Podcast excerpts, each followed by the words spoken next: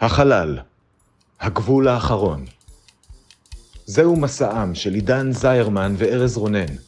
משימתם, לצפות בכל הפרקים של סטארט-טרק לפי סדר כרונולוגי, לדבר עליהם ולצעוד בעוז למקום בו אף אדם לא צעד מעולם.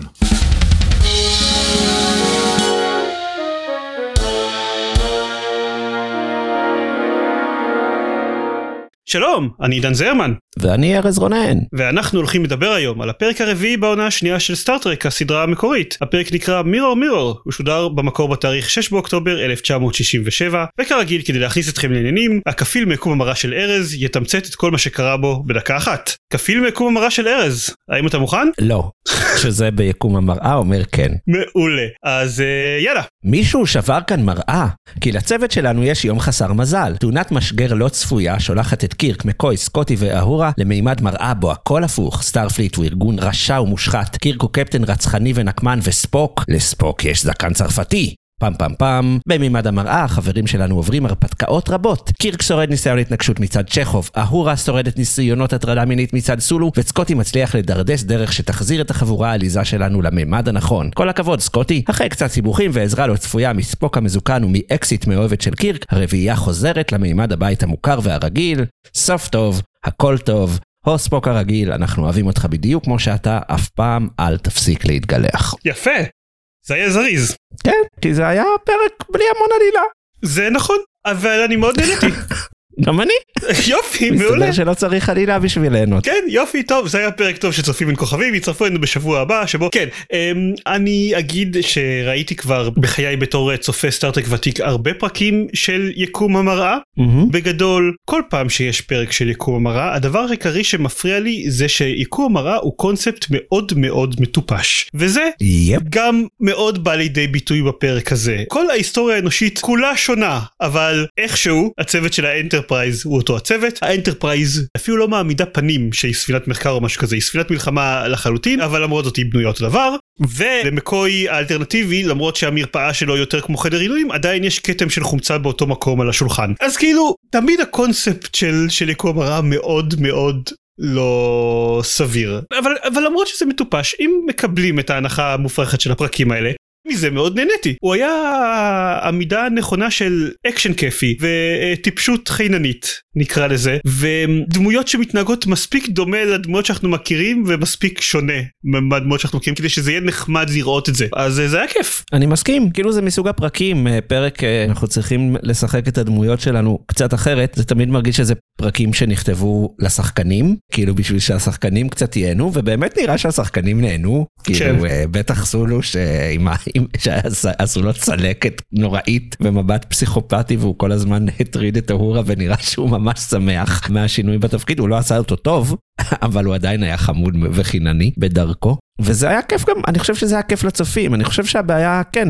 יקום המראה זה קונספט מאוד מטופש, וכשסטארטרק ניסתה לעשות איתו דברים קצת יותר כבדים ורציניים, זה באמת נשבר, כי זה לא בנוי על בסיס מספיק חזק. אבל כשזה פשוט היה פרק מאוד פשוט של לחקור רגע את הקונספט, להראות כמה סצנות חמודות, כמה אינטראקציות נחמדות ולעבור הלאה, זה עבד ממש טוב. זה באמת, זה היה פרק הרפתקאות כיפי ומגניב, הדמויות התנהגו ברובן באמת סבבה, וכן, זה, זה היה כיף גדול. אמרת אה, שזה היה כיף לצופים ולא רק לשחקנים כי אני חושב שהוא הגיע בנקודה נכונה בעונה היו לנו כבר כמה פרקים של הדמויות מתנהגות בצורה לא שגרתית היה לנו את The Naked Time שכל הדמויות משתגעות אוי לא והיה לנו את Yeah. אה, הפרק הזה שקירק נהיה עצמו המרושע והם הם הגיעו בנקודה מוקדמת מדי בסדרה אני חושב בגלל זה לא ממש הערכנו את זה שכל הדמויות מתנהגות אחרת פה זה פשוט קורה בנקודה הנכונה זה כבר אחרי עונה שלמה די ארוכה שאנחנו כבר למדנו להכיר טוב את הדמויות ואז באמת יש ערך מוסף ללראות איך הן מתנהגות אחרת. אני מסכים, זה בהחלט עבד. אה, אני כן אגיד כמה דברים אה, שהם קצת פחות אה, רק להגיד שחיבבנו את הפרק. ודבר ראשון אני אגיד שיש דברים שלא משנה באיזה מימד אנחנו נמצאים, תמיד יישארו קבועים. זה כמו סמיכי אהוב של תינוק שהוא מתנחם בו. אז אה, סקסיזם בסטארטרק. כן.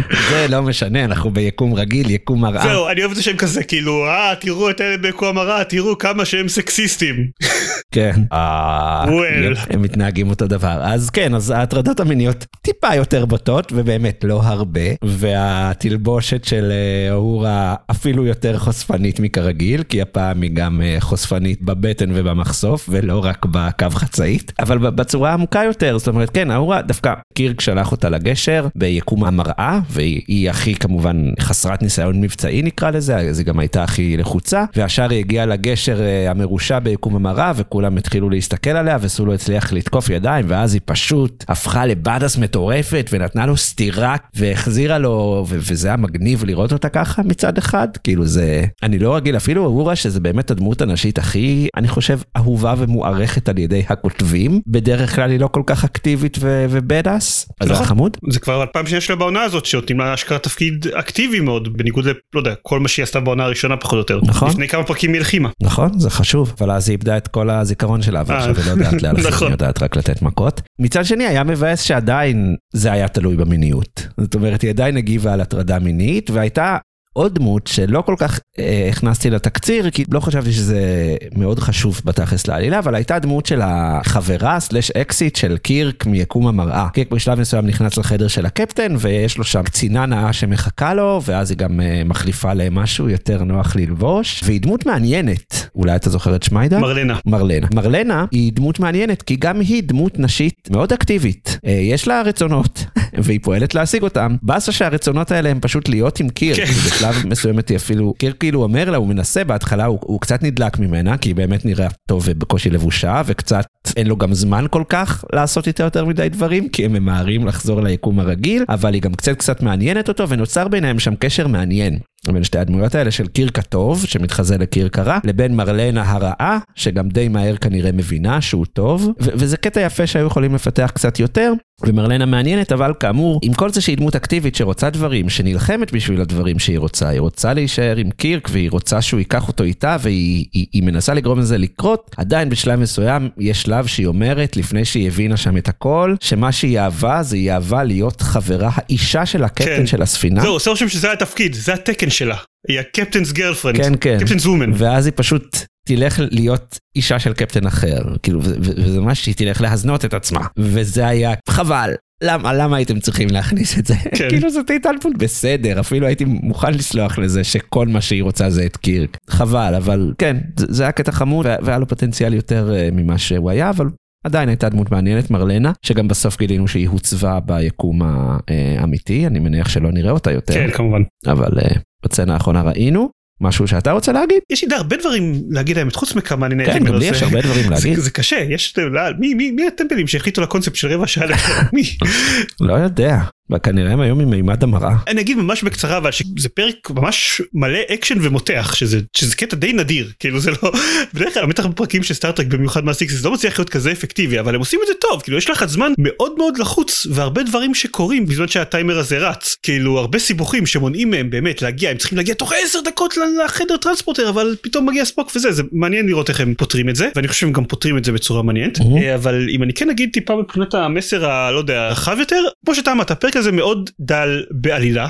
ובמסרים אבל ממש בסוף הם מנסים לזרוק איזה אימפריות חייבות ליפול בסופו של דבר שזה מעניין מקבלים את הרושם שהיה אמור להיות איזה במקור איזה שהוא משהו שבונה את זה מוקדם יותר בפרק כי קרק מהיקום הרגיל שואל את ספוק של יקום המראה מה הייתה התחזית של הגזע הזה שאנחנו מסביב לכוכב שלו לגבי תוך כמה שנים האימפריה האנושית תיפול? ואז הוא אומר 240 שנה. וכאילו אנחנו לא שמענו את התחזית הזאת זה הגיע משום מקום. לא זה לא קרה משהו בפרק אבל אז הוא מסביר לספוק שבאמת כאילו גם ספוק יודע שהגורל של האימפריה האנושית הוא בסופו של דבר שימרדו בה והיא תיפול. וזה מסר נחמד ומעניין שפשוט נדחס ממש לכזה איזה שלוש דקות בסוף ולא לא נבנה על שום דבר אבל זה היה יפה זה בכל זאת אני חושב מה שהפרק מנסה להגיד. אז אני אגיד על עוד משהו שהיה יפה, אני חושב, בתוך הפרק, וזה לא מסר, אלא משהו קצת בפנים. אמרתי בצחוק שתמיד אפשר לסמוך על זה שסקסיזם בסטארטרק נשאר סקסיזם, לא משנה באיזה מימד אנחנו, וגם אני חושב הנאמנות של ספוק לקירק עברה בין המימדים. נכון. זה היה חמוד, ספוק אה, הרשע הבין בסוף את הסיפור, והוא לא עצר את הצוות הטוב מלחזור הביתה, הוא כאילו היה יכול, הוא הגיע לחדר משגר, אבל בדקה, כאילו במקום לעצור אותם הוא עזר להם. והוא תירץ את זה באוקיי, אני פשוט רוצה את הקפטן שלי בחזרה, כי אני אישית לא רוצה להיות קפטן, וקפטן קירק הוא כאילו הכי טוב והכי בסדר, אז יאללה, תחזרו שיחזור הקירק שאני מכיר, כי, כי הוא עדיף. גם לפני זה שהוא קיבל פקודות מהאימפריה להתנקש בקירק, אז הוא, הוא אמר, אני לא אמור להזהיר אותך, אבל אני מזהיר אותך בכל זאת. נכון, נכון, כן. הם, הם חברים טובים למרות שהם, שיש לו זקן.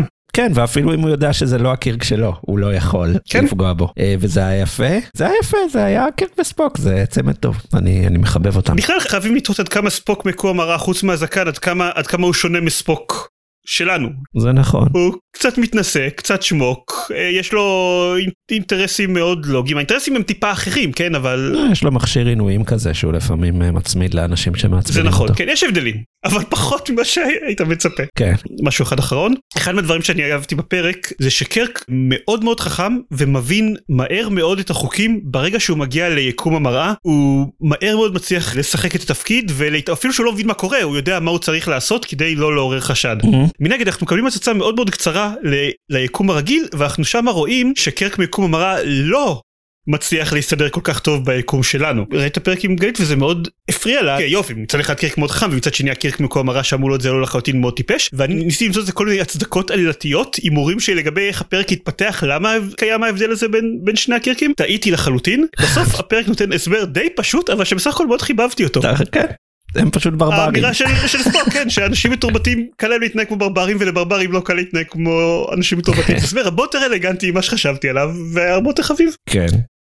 אם כי אם אנחנו מכירים את צוות האבטחה של האנטרפרייז, אז כנראה שאם באמת היה מגיע קירק רשע, הוא היה משתלט על היקום. היה פרק שבו ראינו את זה כן, קורה. תכלס, נכון. מה יש מתחזנת נכון, בראש השנייה נכון. הנה קח את ה phaser שלי אז כן אוקיי בסדר. כן. ועכשיו נעבור לפינת הטריוויה אין המון טריוויה על הפרק הזה יש שני פריטי טריוויה בעיקר לגבי השחקנית של אה, מרלנה ברברה לונה Mm, בזמן הצילומים של הפרק היא סבלה מסטרפטוקוקוס. אוקיי, בהחלט פרט, פרט טריוויה, בהחלט. לא שנייה תשמע נכון יש את הקטע הזה שהיא אקראי. אומרת אני אלך להחליף למשהו יותר נוח ואז היא חוזרת לבושה ביותר בגדים.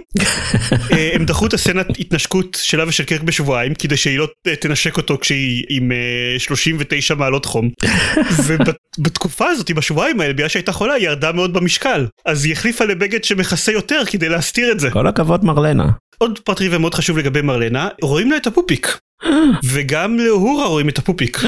ובעוד שאין להם בעיה עם חציות מיני וכבר למדנו ונראה שדיברנו על זה שזה היה אפילו סמל לשחרור מיני באיזה שהם מובנים לפי ה-standards and practices של האולפן זה היה אסור. טוב, ביקום מראה, מה שקורה ביקום מראה, נשאר ביקום מראה. כן היה משקיף שהיה אחראי על אכיפת ה-standards and practices על הסט. ולפי השמועות הצוות הסיח את דעתו בעזרת ארוחת צהריים מאוד מאוד ארוכה שבמהלכה צילמו עוד כמה שיותר סצנות פופיקים כדי להסתיר את זה ממנו אה, איזה יופי. וככה עקפו את הצנזורה. איזה סדרה מעולה. כן נכון אח הסיקסטיז. ועכשיו לפינת הסצנה האהובה שלנו ארז מה הסצנה האהובה עליך וואו. תכלס היה פרק שבמפתיע היה קצת קשה למצוא בו סצנה אהובה, הוא היה טוב בצורה די אחידה, אבל היה שלב מסוים בו פתאום הצוות אה, ביקום המרתה מעניין איך אה, הצוות ביקום במימד שלנו מתמודד עם הגרסאות המרושעות של קיר, קאורה וכו' שהגיעו. זה היה כזה מעניין איך הם מסתדרים מעניין מה הם הצליחו לעשות משהו כזה כן, ואז פשוט כאן ספוק זורק אותם לתקל עם חיוך ממש מרוצה מעצמו.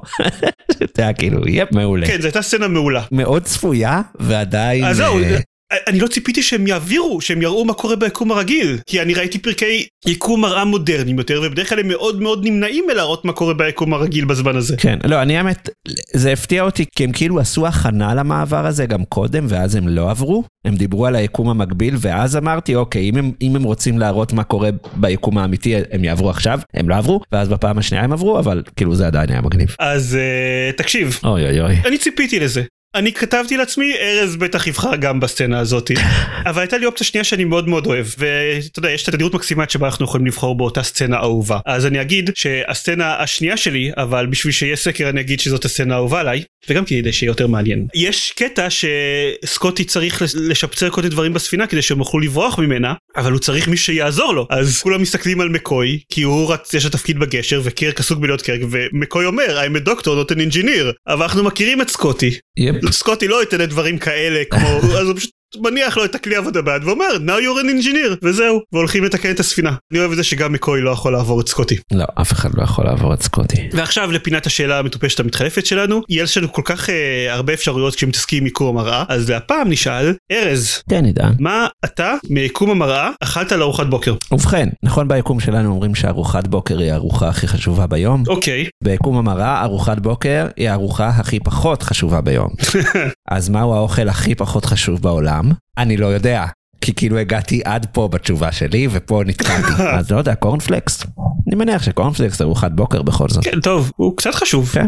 טוב כן, אבל קורנפלקס כזה, אתה יודע, מותג הבית של אה, שופרסל. סבבה לא של תלמה. לגיטימי. זה לא כזה חשוב. אוקיי אני הרבה יותר אה, סגור לגבי עידן המראה. או, זה נשמע כמו שם של פרק. חכה חכה כי הוא עושה את מה שעידן מהקום שלנו אף פעם לא היה מעז לעשות בגלל שהוא הוגן בסופו של דבר ויש לו מוסר בסיסי. הוא- ישתה קפה? לא חס וחלילה גם, אה. גם הוא חושב שזה דוחה הוא ייקח חבילה של מנטוס ויוציא מתוכה רק את הצבע שהוא אוהב והשאיר את כל הכתומים הלא טעימים. וואו, זה באמת רשע. נכון גם אני זה חושב באמת רשע. ועכשיו לפינת ה טופ שלוש שלנו ה טופ שלוש הנוכחי של ארז וגם הטופ שלוש הנוכחי שלי זה שלושת הפרקים ששודרו עד עכשיו במקום השלישי הפרק הוא mourns for Adonais פרק עם אפולו במקום השני The Changing הפרק עם נומד ובמקום הראשון Amok Time הפרק עם ספוק החרמן. nice. ארז ובכן, כמה שאני אוהב את אה, ספוק החרמן. Mirror Mirror אה, עלה אצלי למקום הראשון.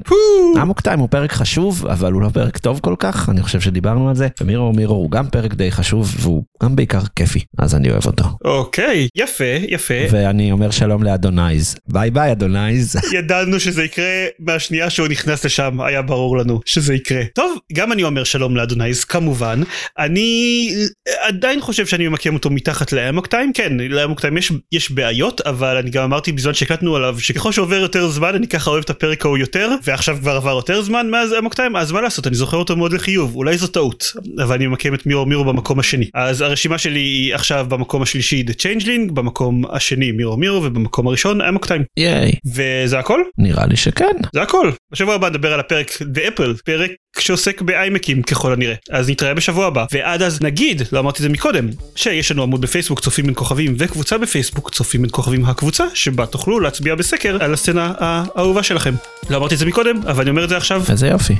ותיזהרו מאנשים עם זקן צרפתי. וגם סתם אנשים שהולכים עם חולצות בטן. נכון, בייחוד אם רואים להם את הפופיק. Yep. Bye. Bye bye.